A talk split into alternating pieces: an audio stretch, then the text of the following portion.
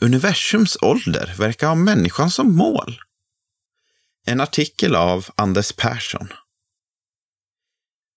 Genom personer som Einstein, Hubble och Hawkings har vi fått reda på mycket om universum. Bland annat att det är hela 13,798 miljarder år gammalt. Tanken på dess ålder och ofantliga storlek kan lätt göra att vi människor känns små och betydelselösa. Men faktum är att universums stora ålder pekar på något annat. För att liv ska vara möjligt på jorden krävs att den är omgiven av ett starkt magnetfält och har kontinenter.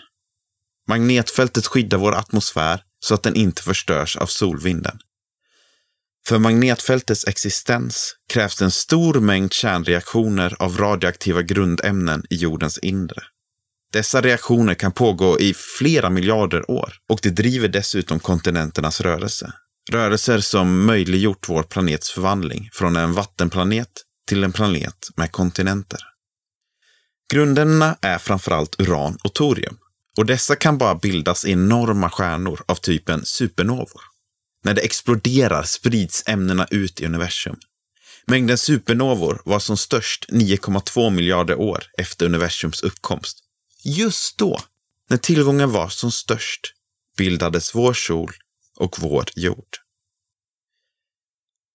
Vår sol är som allra bäst nu. För avancerat liv krävs en sol av precis vår storlek. Vid en ålder av 4,57 miljarder år befinner sig en sådan sol i sin mest stabila och minst farliga fas.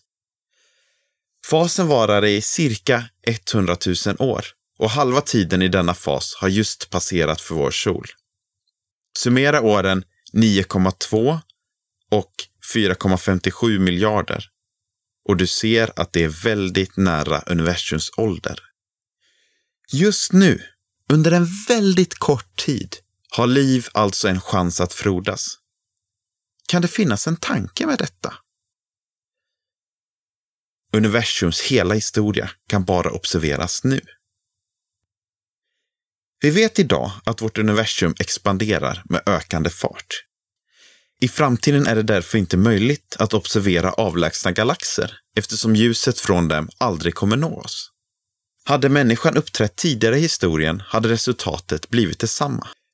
Inte förrän 13,4 miljarder år efter Big Bang når ljuset från den kosmiska skapelsen våra teleskop. En medveten design. Detta är bara några få ledtrådar. Det finns fler.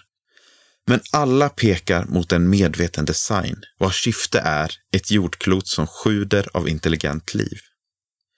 Under en kort tid har varelserna som bor där genom att studera universum både förmågan och möjligheten att upptäcka att det finns en designer.